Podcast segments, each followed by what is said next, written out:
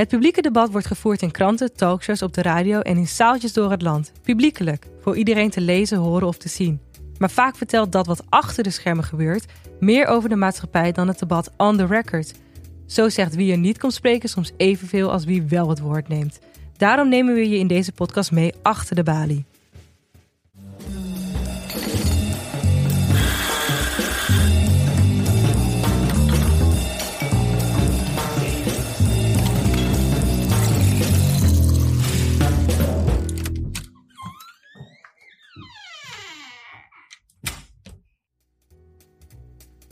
Hoi, ik ben Rogaya Sek, programmamaker hier bij de Bali. En in deze podcast ga ik in gesprek met collega's over de programma's die aan bijbleven. Samen met Martijn de Greven en Marlijn Geurts organiseer ik Operatie Interview, waarbij een hoofdgast geïnterviewd wordt door drie tot op het podium geheime interviewers. En waarbij de kunst van het interviewen centraal staat. We hebben precies 25 afleveringen achter de rug, dus een mooi moment om eens terug te blikken. Uh, Martijn, hoe is het eigenlijk begonnen? Uh, nou, het was eigenlijk wel grappig. Het is een programma, eigenlijk, uh, de inspiratie ligt in de jaren 80. Was een uh, programma dat heette Firma Interview. En we hadden hier een ander programma, wat hier bijna tien jaar gedraaid heeft, Politieke Junkies. En een van de mensen die daarbij betrokken was, was John de Zwart. En we stonden na afloop hier hevig bier drinkend, zoals dat hoort bij de Bali, af te stomen en na te praten over weer een aflevering. En zomaar begon ik eigenlijk tegen hem te praten over dat programma wat bij mij was blijven hangen. En dat stond ik eigenlijk een beetje te fileren. Ik zei, ja, dit was goed, dat niet. Het was eigenlijk een goed idee wat helemaal niet uitgewerkt was. En hij keek mij wat beduust aan. Toen zei ik, maar A, herken je het programma? Ja, zei hij. Maar je, ben je het wel of niet met me eens? En toen zei hij wat bedremmeld, nou ja, ik was de eindredacteur van dat programma wat je nu zit af te zeiken. en toen zei ik, nou ja, maar, zei hij, maar ik vind dat je wel een aantal interessante dingen zegt. En toen hebben we een aantal zaken, bijvoorbeeld het paneel, wat natuurlijk een belangrijk gedeelte is, het linker en het rechter gedeelte, uh, hebben we doorgesproken.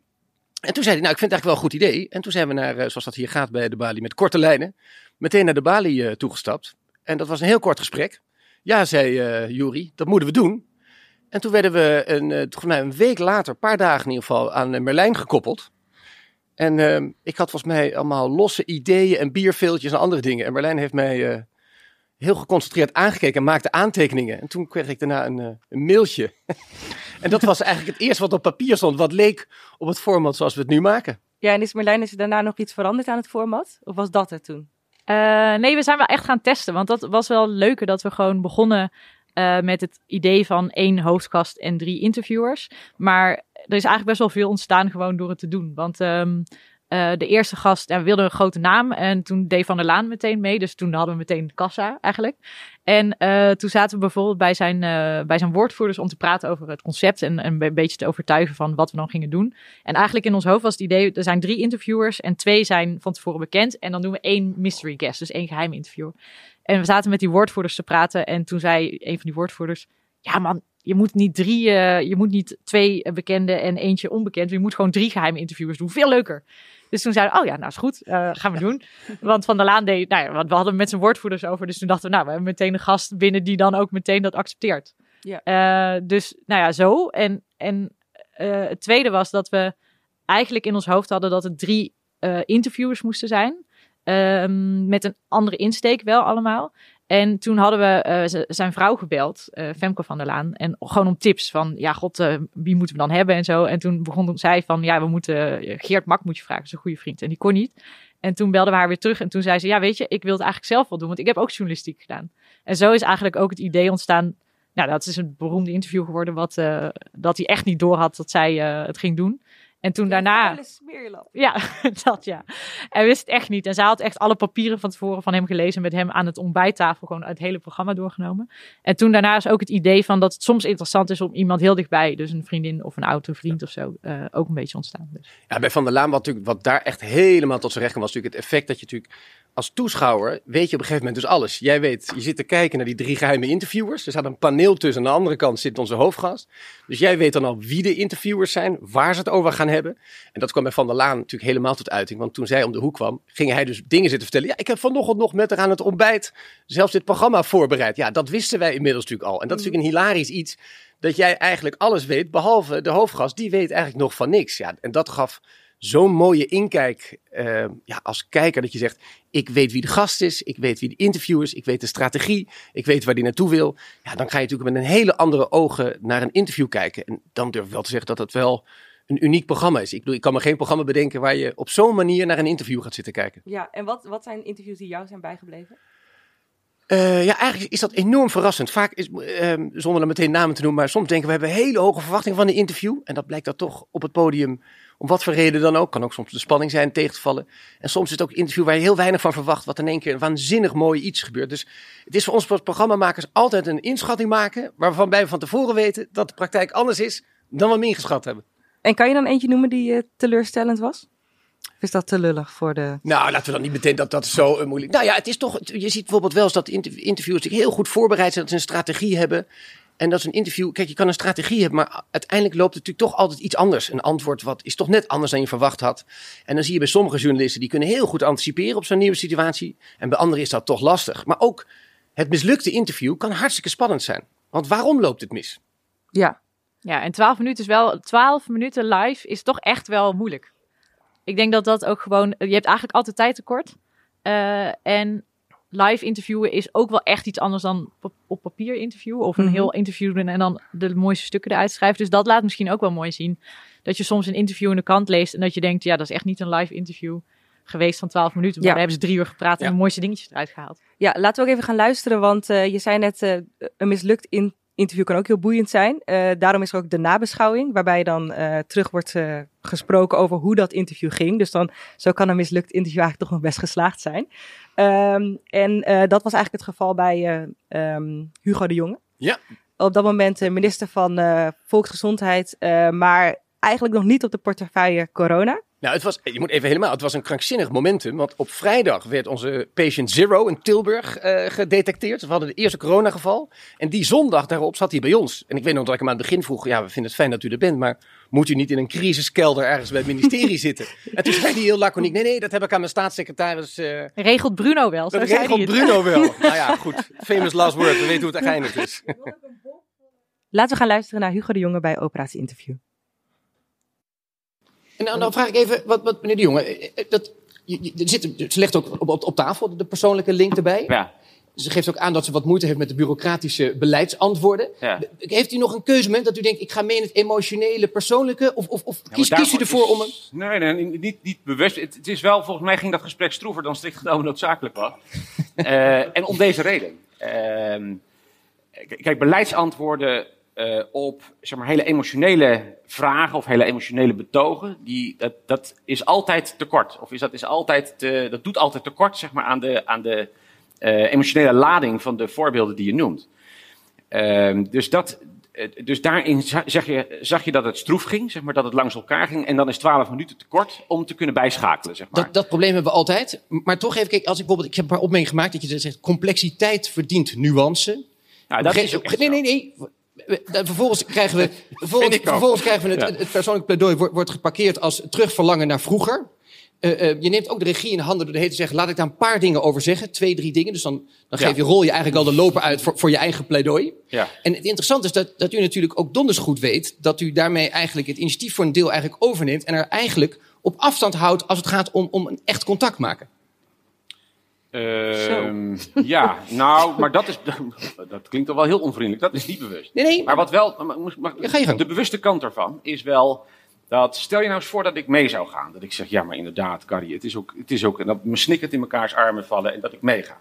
Dan is, dan is het vervolg, kan zijn, uh, uh, ofwel nieuws, uh, de jonge dubbele punt, deltaplan, jeugdzorg nodig. Terwijl, weet je, ik ben ontzettend bezig met het uh, maken van een brief. Waarin we inderdaad al die wijzigingen die we nodig vinden aan het uitwerken zijn. Die brief moet in maart naar de Kamer. Dus zo'n bericht tussendoor veroorzaakt alleen maar onrust. Dus ik ben inderdaad wel in mijn hoofd bezig ja, met. Dan? Ja, maar dat moet altijd. Het meest extreme voorbeeld is de persconferentie na uh, de ministerraad. Dan moet je helemaal zesdimensionaal uh, in je hoofd hebben. Uh, wat er allemaal kan gebeuren met de zinnen die je uitspreekt. Want voor je het weet worden dingen nieuws die je helemaal nooit als nieuws hebt bedoeld. Ja. Ja, nou ja, ja dit, dit, is natuurlijk. Kijk, Hugo de Jonge is, is uh, dat hoor je hier ook, is hij kan heel goed praten zonder iets te zeggen. en, en kijk, hij, wat hij hier doet is, is een klassieke uh, politieke truc. Hè? Dus je, je, extre je maakt het heel extreem.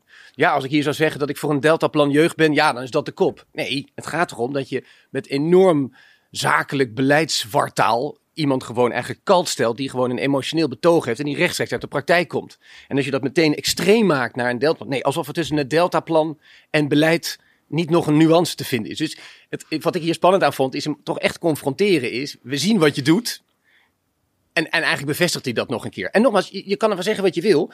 Misschien is er ook wat voor te zeggen dat hij het zo doet. Alleen, het gaat erom dat je heel nadrukkelijk gewoon hier kan vaststellen. Hij maakt een keuze door haar gewoon kal te stellen. Ja, eigenlijk kreeg je ook een soort van gratis mediatraining. Ja, misschien moet ik mijn factuur nog sturen. Ja, hij heeft het niet echt opgevolgd in de rest van de crisis. Nee, nee, hij kan, hij, dat is iets, en nogmaals, hij is daar, voor een deel kom je daar in politiek ook mee weg, hè. Dus we gaan heel enthousiaste taal uitslaan, we gaan naar voren en samen staan we sterk en uh, we komen er wel. En, ja, hij is, hij is nu weer minister. Ik, ik zie met, met datzelfde enthousiasme gaat hij waarschijnlijk hier ook wel wat realiseren. Alleen het is af en toe bloed en bloed irritant. Ja. ja. en het is wel interessant omdat je gewoon, je hebt zo drie interviewers en twee daarvan waren professioneel, maar zij is zo'n sociaal advocaat met enorme, ja, vurig type met van die hennenharen. En zij zitten als niet in een interviewer tegenover hem en zegt hoe erg het in de praktijk is. En dat hij dan op dezelfde manier met van die beleidstaal reageert op haar ten opzichte van die andere interviewers. Ja, ik weet wel dat ik daarna zat te kijken en dat ik dacht, oeh, je komt wel echt niet sympathiek over nu nee. om, dat, om die keuze te maken. Dus dat is ook wel interessant dat hij ook geen verschil maakte tussen haar beantwoorden of uh, volgens mij ook Guus Valk of zo. Ja. Denk ik, ja, dat is een heel ander iemand waar je op reageert. Ja, en wat is een interview wat jou verder is bijgebleven, Marlijn? Uh, nou, best veel, maar één interview waar, ja, waar gewoon ontzettend veel commotie over is geweest. En uh, waar, ja, uh, waar ik wel vaker moet terugdenken, is het interview tussen Sylvana Simons en Wilfred Gené. Ja. En hoe ging dat? Wat was überhaupt de tijd waarin dat interview gegeven werd? Uh, uh, ja, ik moest terugzoeken hoe lang het geleden was, maar het was in 2016. En eigenlijk was Sylvana Simons uh, toen bezig met eigenlijk een politieke stem vormen. Dus volgens mij was het bij één bestond nog niet, dacht nee. ik. Um, maar zij was wel veel in de media. Artikel 1, artikel 1 was het. Ja, oh ja, dat, dat dus hij had ja. haar partij opgezet. Ja, al. ze was veel in de media. En uh, ze zei meteen ja toen we haar vroegen. Maar iets van drie of vier dagen voordat uh, het programma zou zijn, uh, was er, waren er online filmpjes ver, verschenen op Facebook met doodsbedreigingen naar haar. En ineens werd zij super zwaar beveiligd, waren er allemaal beveiligheidsissues. En ik dacht echt, jezus, uh, gaat ze nog wel komen? Want misschien, ja, dit programma, er is zoveel onzekerheid, dat is veel te gevaarlijk om te doen. Dus het was ook echt wel een heel spannend moment dat, waren dat die zij vrees, kwam. Dat waren die vreselijk veel met die lynch dingen, Ja. dus met, met opgeknoopt aan, aan een boom. Ik, nou ja, het was echt verschrikkelijk. Ja, en toen ging ze er toch wel gewoon zitten. Ja, ja. ja. Eh, En dan is het interessante, want dan moeten we dus een taart maken, noemen we het altijd. Hè? Dus drie, drie taartpuntjes en die met elkaar moeten dan een mooie, mooie taart vormen. Dus dan zoek je naar iets, iets persoonlijks, iets inhoudelijks of, of iets, iets confronterends. Ik ik zit even te denken, wie waren we? We hadden alle drie wat natuurlijk Wilfred Gené, Eh, ja, we hadden Harriet Duurvoort de columnist van de Volkskrant. en Avinash Biki volgens Avinash. Bieke, ja, Ja. dat was me. Ja, ja. Dus die was toen nog bij nu.nl volgens mij. Die zit nu bij de Volkskrant. Ja, en eh, nou ja, het interview met Wilfred, dat was, ja, hij, eh, hij, hij zei toen ik hem belde meteen wel ja, maar hij twijfelde ook wel toen zij heel erg bedreigd werd. Waarom?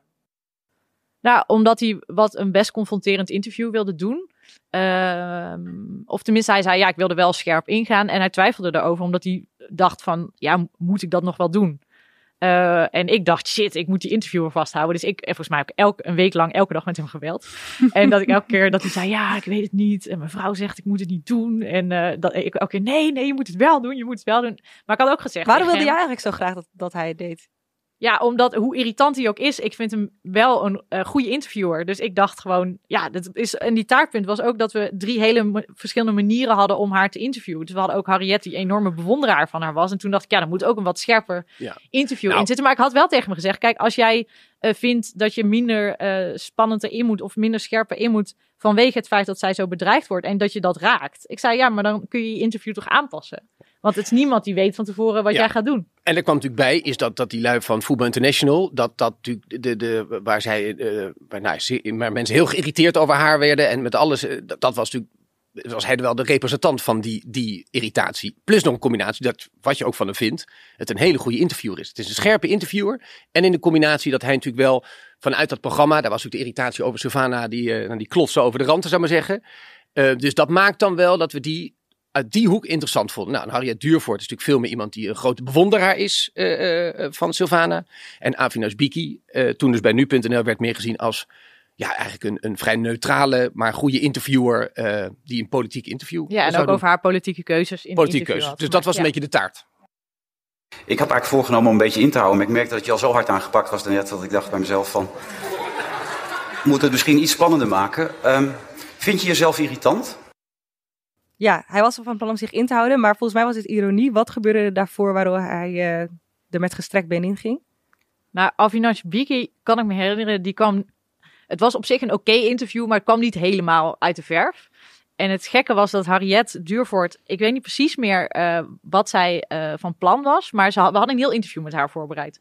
En het, ding was dat ze zei, ja, ik wil een gedicht meenemen en aan de hand van dat gedicht of een regel uit dat gedicht wil ik uh, mijn interview beginnen. Maar toen kwam ze het podium op en toen ging ze gewoon, ja, ze was bijna alsof, alsof ze een soort godin voor zich had of zo. Ja. Dus zij ging dat gedicht voorlezen als een soort ode, maar ze kwam gewoon nooit tot een interview.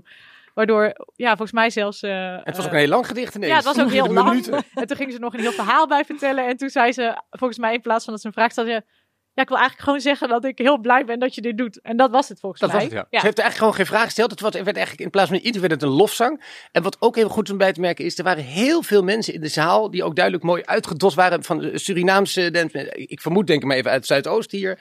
Uh, dus de zaal was ook echt, ja, ja, Sylvana getint, zou ik maar zeggen. Dus er waren echt veel mensen die ook specifiek voor haar kwamen. En tijdens die Harriet Duurvoort, wij zitten dan natuurlijk op dat paneel, aan de andere kant zitten wij dan, dus we konden het publiek goed zien. Er ontstond ook echt een soort warme ontroering in de zaal. Dus er waren ja. veel Surinaamse vrouwen, die, die, die hoorden je met, met, met kleine geluidjes van, wauw, Harriet Duurvoort.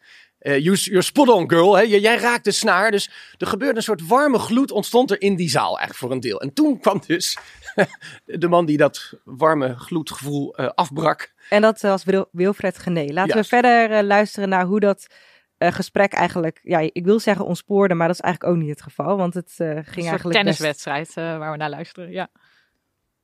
Maar wat vind je van de boodschap? De boodschap op zich is goed, maar ik dan zeg zijn tegen we jou... er toch? Nee, daar zijn we er niet. Want ik zou willen dat die boodschap beter over zou komen. Maar wat er nu gebeurt... Ga jij mij nou... Dat vind ik, dit vind ik de een mooi... polarisering neemt alleen ik maar toe. vraag jou nu bij Ja? deze, oprecht. Omdat jij het kan weten, omdat jij een witte man bent die, die, die, die Getrouwd precies... is met een Persische vrouw. En Oh ja, van- disclaimer. Die vervolgens, Oh, die, die, ga jij mij nou vertellen, alsjeblieft, hoe jij vindt dat ik deze boodschap zou moeten brengen? Hoe zou het voor jou prettig zijn? We vergeten even de mensen. Nee, nee, ik, dat we vergeten even de nee, mensen. even, we vergeten even. we vergeten- ik ga gewoon door hoor. We vergeten even de mensen ehm, die tegen mij zeggen: Sylvana, fantastisch dat jij op deze manier de boodschap brengt. Die vergeten we even. Maar we gaan even naar jou. Hoe zou jij het fijn vinden, Wilfred? Zo niet. Nee, dat vraag ik niet. Ik vraag hoe wel. Door dit toontje achterwege te laten... en normale kanten van jezelf te laten zien... en gewoon warm en aardig te zijn. Maar wat je nu Warm, aardig, warm, doet... aardig. Je doet pedant nu. En je doet eigenlijk precies wat ik ook altijd doe. Alleen jij gebruikt Pedant. dus omdat... Nee, maar je, je doet het omdat jij dus klaarblijkelijk wil zijn. En ik doe het omdat ik denk dat het functioneel is. Omdat je dan uiteindelijk iets kan bewerkstelligen. Dus jij hebt een kunnen- betere reden om pedant te zijn dan ik? Zo. ik heb mijn tijd niet gehoord, Ja. maar als ik hem nu weer terug hoor. Nou ja, eigenlijk is het gekke, want toen ik hem terughoorde... Kijk, Wilfred maakt het wel...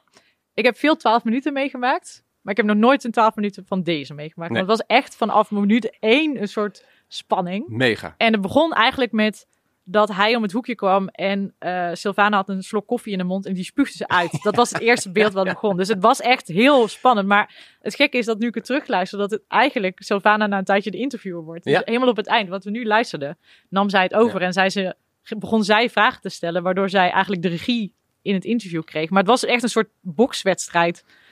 En het Ja. fascinerende aan is, is, volgens mij is het zelfs het best bekeken fragment op eh, social media, als ik eh, de- de- deze. Misschien Eberhard met zijn vrouw. Nou, nou, goed, maar Nummer in ieder geval, je staat in de top 5, laat ik het zo zeggen. Dat En het interessante was, dat merkten we toen ook al na afloop hier in, eh, want we drinken natuurlijk graag een biertje met elkaar even na, om het allemaal na te spreken. Dat de, de perceptie, en ook van de mensen die het keken, is, er waren heel veel mensen die zeiden, ja, Sylvana is fantastisch. Ze plakt, ze plakt die, die genee eigenlijk achter het behang. En het is bijna een soort judo-techniek. Hè. Ze wordt aangevallen en ze sleept hem zo voorlangs en legt hem dan op de grond. En de andere helft die zei, fantastisch die genee. Eindelijk die, die arrogante Sylvana achter het behang geplakt. En dat, en dat ging op hetzelfde interview. Dus, dus hebben dus verschillende groepen mensen naar gekeken. Want dat kan ik mezelf nog herinneren, omdat ik toen werkte hier nog niet. Toen studeerde ik journalistiek. En toen zat ik dus 's ochtends in bed gewoon het nieuws te lezen en zo. En eh, dat filmpje ook te kijken. En toen dacht ik zo, yes, eindelijk. Want het was best wel een discussie van, is Sylvana irritant? Of Ja, ja. eh, is het op de, kan je deze boodschap niet, niet, niet op een andere manier brengen? Ehm, ik dacht, yes, eindelijk. Dit laat zien dat Sylvana niet irritant is, maar dat er gewoon alleen maar op die boodschap wordt gehamerd en dat het gewoon hypocriet is. En eh, nu wordt eindelijk is het voor iedereen duidelijk. En toen kwam ik eh, mijn klas binnengelopen en toen zei ik, en hebben jullie het interview gezien met Sylvana en Wilfred Gené? En toen zei iedereen, ja, wat een ja, Ja, scheldwoord Ja, is die Sylvana. Oh. En toen dacht ik zo, huh? Ik dacht Wilfred Gené. Ja, Eh, dat, dat die door de mand is gevallen. En daarmee zeg maar alle andere Nederlanders die zeggen dat haar toon eh, het probleem is. Maar dat was niet het geval. Nee. Maar ja, en, en ik vond ook nog wat interessant, want ik weet dat, ja, ik had natuurlijk wel verwacht dat het een pittig gesprek zou worden, maar ik weet ook nog wel dat ik een beetje in die zaal zo dacht, oh mijn god, en ook de dag daarna hoeveel het werd bekeken dat iedereen een commentaar op had, ja, het is dan ook wel een beetje gek dat jij dat dan veroorzaakt hebt of zo. Dus ja, dat vond ik wel een beetje spannend. Maar wat, wat het in het nagesprek vond ik ook wel heel fijn, of eh, ook weer gek dat Wilfred de dagen daarna ook nog een paar keer belde om te vertellen dat hij toch spijt had dat hij het gedaan had. Ja. Had het toch niet moeten doen. En zijn vrouw had ook gezegd dat hij het niet had moeten doen. Maar Sylvana na afloop zei, ja, ik ben heel blij met dit interview. Want ja, nou ja, er zijn drie manieren hoe er op mij wordt gereageerd. En jullie hebben in dat interview of in het programma eigenlijk precies blootgelegd Ja. eh, wat de drie manieren zijn. En dit is ook heel erg mijn manier om eigenlijk eens een keer antwoord te geven op al die mensen die mij irritant vinden en me aanspreken op de toon en weet ik veel wat. Toen zei ze, ja, hij vertegenwoordigt dat geluid. En ik heb gewoon terug kunnen praten, dus eh, ja, Nou, prima. Ah, Zeker als ik het nu dan terugkijk, eh, eh, luister zo'n fragment weer. Kijk, ik ben heel, heel simpel, gewoon als programmamaker kijk ik het. In die zin is het natuurlijk een fantastische clash. Ik bedoel, er is eigenlijk is alles binnen de perk gebleven. Er zijn geen ernstige scheldwoorden, ernstige verwensingen, weet ik wat gaan. Ze hebben alle twee, zijn ze vol aan de bak gegaan.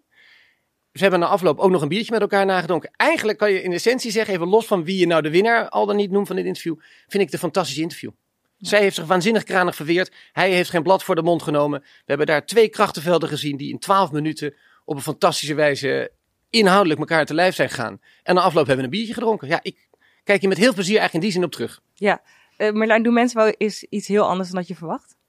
Ja, tot irritants toe. Ja, Eh, ja het, ik bedoel, het zijn interviews van 12 minuten. En maar, eh, ik doe dit met jou, dus dat is ook een, beetje- een beetje... Wij proberen natuurlijk wel eindeloos die mensen goed voor te bereiden. En ondertussen weten wij natuurlijk wel goed hoe lang 12 minuten is. Hoeveel vragen kan je nog weer stellen. Eh, bijvoorbeeld mensen maken altijd de fout door te zeggen... Ik begin een beetje rustig. En een beetje aardig. En dan palm ik ze in. En dan eh, daarna ga ik eh, echt de confronterende vraag stellen. Maar ondertussen weten wij ook dat... eh, als ze dat van plan zijn, dat ze op minuut 9 de confronterende vraag stellen en dat het interview dan eigenlijk voorbij is. Ja. Eh, dus ja, ik bedoel, we bereiden ze wel eindelijk voor. Maar ik moet eerlijk zeggen dat er toch heel veel interviews zijn geweest waar mensen nou, soms gewoon totaal de waarheid achterwege, achterwege hebben gelaten. Eh, een voorbeeld daarvan was dat we Rob Scholte hadden, een Ja. kunstenaar. En één, we hadden een, ja, we dachten, het, hij komt uit die... even bij vertellen, Rob Scholten die ooit met een bomaanslag Ja. bij de benen verloor en in een rolstoel zit. Ja, en, en hij eh, komt helemaal uit de jaren ja, 80 Amsterdam, de Roxy. En wij dachten, ja, we moeten een beetje met iemand die die tijd beleefd heeft en die hem uit die tijd kent. Dus we hadden eh Eddie de Klerk, een DJ, een oud vriend van hem. En die wilde met hem over vriendschap hebben en over vergiffenis en dat soort dingen. Nou, daar hadden we een heel interview mee voorbereid. En toen zat hij op het podium en toen vertelde hij ineens... Nou, dat had hij dus helemaal niet aan ons verteld.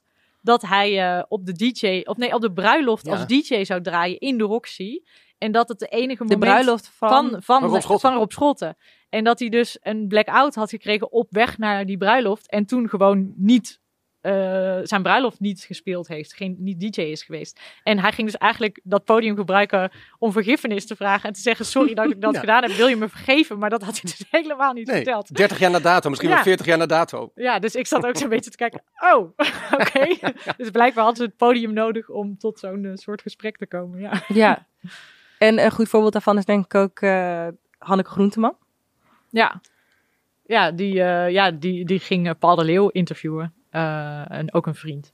Eh, en eh, we hadden haar gevraagd. En ik zei, god, wat vind je interessant? Waar wil je het dan over hebben? Want het werkt wel goed. Tuurlijk be- bedenken we met die mensen waar ze het over moeten hebben. En bepalen we ook de insteek. Maar we vragen ook wel in eerste instantie... wat is nou de, wat is nou de dringende vraag die jij aan Paul de Leeuw wil stellen? Want dan, dan wordt het toch best het sterkst... als het interview echt vanuit, zichzelf, vanuit zichzelf komt. En zij zei, ja, ik wil het met hem hebben over ouderdom. En oh, ja, volgens mij vindt hij het heel moeilijk om oud te worden. Dus ik denk dat dat goed is. En ik als oudere vrouw, ik kan het ook Mhm. goed eh, aan hem vragen. Dus daar wil ik met hem over praten. Eh, ja, zou En ik toen zat je te luisteren? Nou ja, ik weet ook in die zaal zat en dat ik dacht, eh, dit was het derde interview, en dat ik dacht, ja, het kabbelt nog een beetje. Ja, ik hoop wel dat er nu nog iets spannends komt. En volgens mij appte ik ook naar mijn vriend van, die vroeg, is het leuk? Toen zei ik, nou ja, het mist nog een beetje. Het mist nog een beetje spanning. En Nou ja, toen gebeurde dit. ja. We gaan het nu hebben over jouzelf. We hebben laatst je 55ste verjaardag gevierd. En vroeger zei je altijd, nou ja, oude mensen was voor jou sowieso niet helemaal je ding. En je zei altijd, als ik 52 ben, dan ga ik dood. Dat is jammer voor iedereen, maar dan is het gebeurd. Toch de 55 gehaald. Hoe voelt dat? Goed. Maar jij weet iets van mij. Ehm, en dat is, dat, dat, daar was ik bang voor. Ga ik het zeggen, ga ik niet zeggen. En Ik ik vraag je niks wat je niet wil Nee, maar zeggen. goed, ik weet- wat je bedoelt. Ik ben ziek geweest. En, ehm, en dat is eh, goed nu. Eh, en dat heb ik gevierd. Met een aantal mensen die ik heel, eh, in die tijd heel erg in mijn buurt waren. Ja, ja, toen dacht ik, oh ja, nou ja, dat is wel spannend. dat weet ik nog. Maar Ja. hoe denken jullie nou dat dit eh, tot stand is gekomen?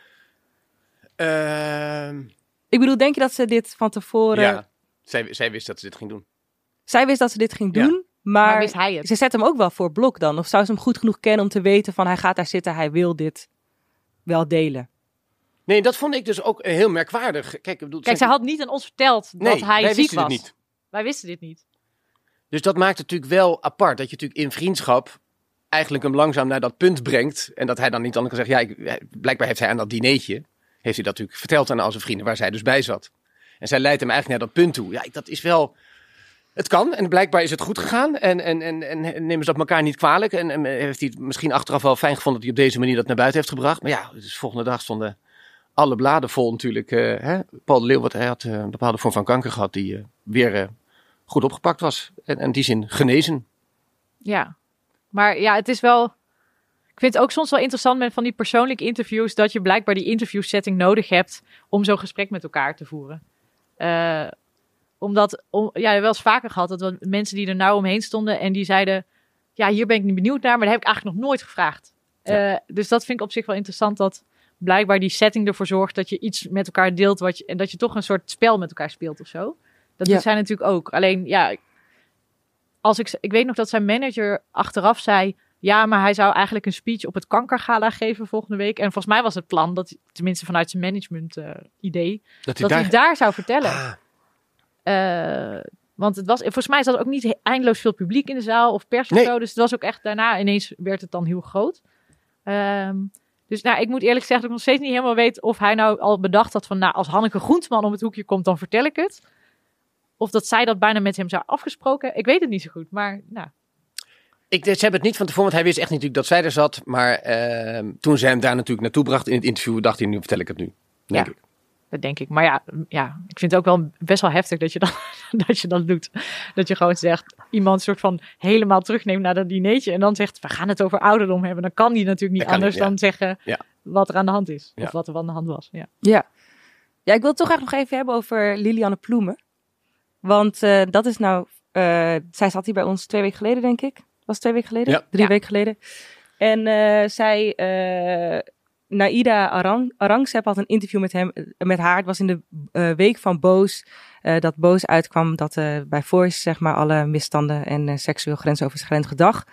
En Naida wilde het met haar graag hebben over ehm, het grensoverschrijdende gedrag, wat er waarschijnlijk wel zou zijn in de partij. Want politiek en macht en seks, die gaan al eeuwen samen. Ja, en één stapje verder. Zij had ook informatie wat, waar, waaruit bleek dat daar ook binnen de PvdA eh het een en ander Ja. aan de hand was. Nou, maar zij heeft ook wel ter voorbereiding, want ik belde haar best wel last minute, een paar dagen, of een soort van weekje van tevoren of zo.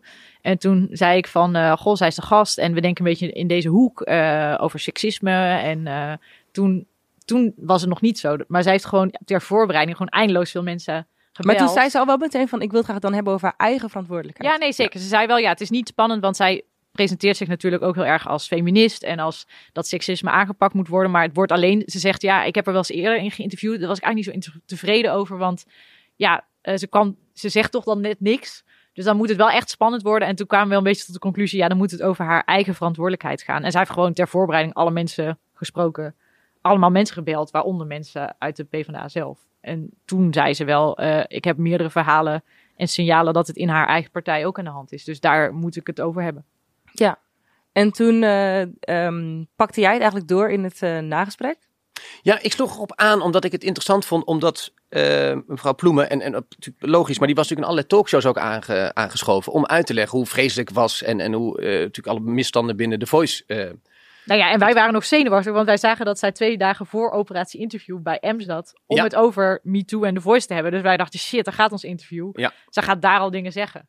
Maar Ja. dat deden ze toen. Maar het werd ook niet helemaal niet gevraagd Nee. aan haar. Nee. En slo- vra- vroeg dat wel. Dus misschien nog even goed om Ja. te zeggen dat tijdens het interview, het moment, dat was trouwens ook een geval van, Van te laat de eventjes vraag een stellen. beetje Ja. eh, langzaam inmasseren. Maar op, na zes minuten of zo kwam dan toch eh, de vraag van hoe zit het eigenlijk in uw partij? Eh, en daar reageerde... eh, en daarom was het eigenlijk wel leuk dat het best wel lang duurde. Want daarvoor kon zij helemaal op haar gemak haar ja, feministische eh, ja, pleidooi ja. houden. En eh, toen op het moment dat, dat die vragen gesteld werden, toen, dan merk je ook opeens een shift in, in, in, in tempo. Nou, zij Eh, begon gewoon letterlijk te hakkelen. Ja, Ja. En, maar ze stelde de vraag wel eigenlijk te laat. Waardoor, waardoor die... Ze had nog drie of vier minuutjes of zo. En nou ja, het was in die zin nog net niet af. Dus ik dacht, jij, jij pakt hem nog even Ja. na in nagesprek. Nou, het, het ging mij, waar ik op aansloeg is, ineens wordt natuurlijk gezegd, ja, ook binnen de P van de A zijn er dingen. En dan denk ik, ja, wacht even. Je schuift dus wel bij een talkshow aan om eigenlijk je, je, je afgunsten uit te spreken over The Voice. Wat natuurlijk prima is. Maar dit gaat natuurlijk over alle lagen en alle plekken in de maatschappij waar die hiërarchische verhouding is. Nou ja, en bij de politiek ben je dan al vrij snel binnen. En dan komt natuurlijk de vraag, ja, u kunt wel uitleggen wat bij de ander verkeerd gaat, maar heeft u wel uw zaken in orde binnen de P van de A? Dat, daar sloeg ik een beetje op aan. Ja. Ja, nee, dus aan, aan het einde, bij, bij het nagesprek, gaf ze aan, ja, ja, nee, eh, er zijn ook wel een aantal zaken. En toen, en toen werd het helemaal heel schimmig van, ja, dat gaat in principe natuurlijk naar de voorzitter. En, en de voorzitter vertelt niet alles aan mij. Ik dacht, ja, wacht even, in de huidige MeToo-dingen, dus zou er dan een PvdA-voorzitter zijn die dan meldingen binnenkrijgt, die dan niet naar de partijleider gaan? En toen vond ik het eigenlijk echt schimmig geworden. dacht ik, ja, maar wacht even, zitten we hier op iets veel groters? Eh, eh, en, en toen toch een beetje doorgezet. En toen bleef zij natuurlijk toch, ja, gaf zij toe, ja, die, die mist, er zijn misstanden, er zijn meldingen. Die meldingen worden onderzocht. Dus twee keer nieuws eigenlijk. Eén, ja, er zijn meldingen. Twee, er loopt onderzoek. Naar En- meerdere personen. naar meerdere personen. En toen dacht ik, ja, maar wat is dit? Ik bedoel, zijn dat eh, eh, anonieme raadsleden? Of hebben we het hier echt over wethouders, burgemeesters, kamerleden? Waar Mhm. gaat het over? En dat bleef toen eigenlijk onduidelijk, maar werd wel met de erkenning. Ja, er zijn ook misstanden bij ons. Ja, en daar gaan we toch binnenkort meer over horen. Nou ja, Ja, en dat is gisteren duidelijk geworden, want eh, Gijs van Dijk, eh, Tweede Kamerlid, die, is, eh, die is gestopt. Ehm, met weer zo'n heel vaag zinnetje van, ik heb mijn privé, ik, heb, ik, heb, ik heb mijn mensen om me heen. Ja, in de privé is je me niet helemaal eerlijk gedragen. Ja, ik moet eerlijk zeggen, dat is een omschrijving die, dat is, ik bedoel, als, als, als iemand vreemd gaat, lijkt me dat niet iets nieuws wat je met de rest van, van, van Nederland hoeft te delen. Ik bedoel, als je op het Binnenhof gaat kijken en vraagt wie gaat hier eigenlijk echt vreemd, dan kan je de helft van het parlement wel naar huis sturen ongeveer. nee, maar dus dat, dat, Ja. dat is dus met dit soort vervelende zaken, is, het is dus een hele eh, heftige paraplu. Dat is dus de Mark, eh, Mark Overmars en Lende zit daaronder. Ja, als je daar ook een vreemdganger onder gaat duwen, dus is dat het dan? Of is er echt wel wat meer aan de hand? Ja, Ik denk dat er nog wel meer naar buiten komt, eerlijk gezegd. Als ik Ja. Bloemen hoorde, zoals zij het hierover had, denk ik wel dat het, dat het niet bij deze ene persoon blijft. Maar... Ja, maar ik vind dan toch gek eigenlijk dat gisteren dan dat nieuws naar buiten komt en dat dan in dit geval onze operatie-interview niet eigenlijk daarbij werd gepakt. Want daarin is zij wel echt heel open verteld Ja. over wat er allemaal aan de hand is. Ik zag in, in ieder geval één NRC-artikel, werd er wel even aan gerefereerd dat, ze in de dat ze in de Bali al aangaf dat er zaken liepen. Eh, en mijn indruk is ook dat we niet het laatste gezien hebben. Want het, alles wat wij bespraken in de nabeling ging in het Maar, meervoud. ja, maar het grappige was wel een beetje, want de, de, de, het werd nog net opgenomen zonder publiek. En het gekke is toch een beetje aan het programma, want je hebt natuurlijk zo'n voorbeschouwing, je hebt interviews en je hebt de nabeschouwing. En mensen in de nabeschouwing hebben toch een beetje het idee van, oh, dan is het afgelopen. Ja. Dus het gekke was dat Naida het best moeilijk vond om die vraag te stellen. Dat merkte je ook in haar interview. Eh, en eh, dat in het nagesprek volgens mij zowel Naida als Lilian Ploemen eigenlijk zeiden van, oh ja, maar nu is het interview voorbij. En toen dacht Nu kan ja, ik het wel en vertellen. toen zeiden ze van ja, want nu is het gesprek voorbij, het interview voorbij. En toen dacht ik, huh, maar de camera staat gewoon aan hoor. Dit nabeschouwing hoort gewoon bij het programma. Ja. En toen gingen ze ineens veel opener praten. Ja. Dus het gekke vind ik soms toch ook dat, ja, dat, dat, dat interview setting zorgt ervoor dat ze alle twee onder hoogspanning iets aan het Ja. doen zijn. En die gekke nabeschouwing, daar wordt soms veel meer nog gezegd dan je zelf doorhebt. Ja, Eh, En dat is eigenlijk en dat is wel leuk. Ja, dat is toch Ja, wel ik- leuk. ik- de formule is natuurlijk eigenlijk dat ik, eh, eh, dat zeg ik voornamelijk tegen mezelf ook, is dat ik nu in de nabeschouwing, ik moet echt als een voetbalnabeschouwing zien. Dus ik zeg altijd nadrukkelijk bij, het is niet bedoeld als verlenging van het interview, hè, wat, wat je net niet hebt kunnen vragen aan de andere kant, gaan we dan nu doen. Alleen soms gebeuren natuurlijk toch zulke interessante dingen aan die andere kant van die muur. Dat je toch denkt, ja, ik moet toch heel even door nog. En dat was hier Mhm. het geval. Ja. Ja, ik weet nog wel dat ik echt naar jou... eh, jij zat met je rug naar mij Ja. toe. En ik na een tijdje enorm aan het seinen probeerde te zijn. En dat lukte allemaal niet. En, eh, Ik was Ja. een beetje, ik liet mezelf een beetje gaan. Ik, ik vond het zo machtig interessant ineens word ik denk, ja, en toen heb ik eigenlijk met het, het format een beetje geweld ja, aangedaan. nou, nou, nou, vergeef ik je. Nou, Ja. kijk, dank u, dank u. Nou, dan eh, zijn we denk ik hier bij het einde van het programma aangekomen. Van het gesprek bedoel ik. Maar is er nog iets wat jullie echt moeten delen? Nou, wij blijven natuurlijk wel eh, een beetje in de running gag. We hebben 25 afleveringen gemaakt. Eh, ik denk dat het toch goed is om even hier op te merken dat Louis van Gaal nog steeds de meest ultieme gast voor dit programma eigenlijk zou zijn. dat zeg ik tegen mezelf, want ik roep al jaren, ik ga dat regelen, maar er is nog niks van terechtgekomen. Ik heb- Louis, als je luistert. Ja, Als je eh, luistert- Ik wil Anouk. eh, dat Anouk, de deze- zangeres, staat ook heel Ja. hoog op onze lijst. Maar die wil ook, ja, tot nu toe hap ze nog niet. En Mark Rutte moeten we En Mark ook Rutte. gewoon een keer hebben. Dat Mark Rutte. Dus eh, laten we dan elkaar nu de plechtige toezegging doen dat we de komende 25 afleveringen ergens deze drie toppers eh, Ja, eh, naar voren kunnen duwen. wordt vervolgd. Wordt vervolgd, zo is het. Ja. Dankjewel Martijn de Greven, Jo. Dankjewel Marlijn.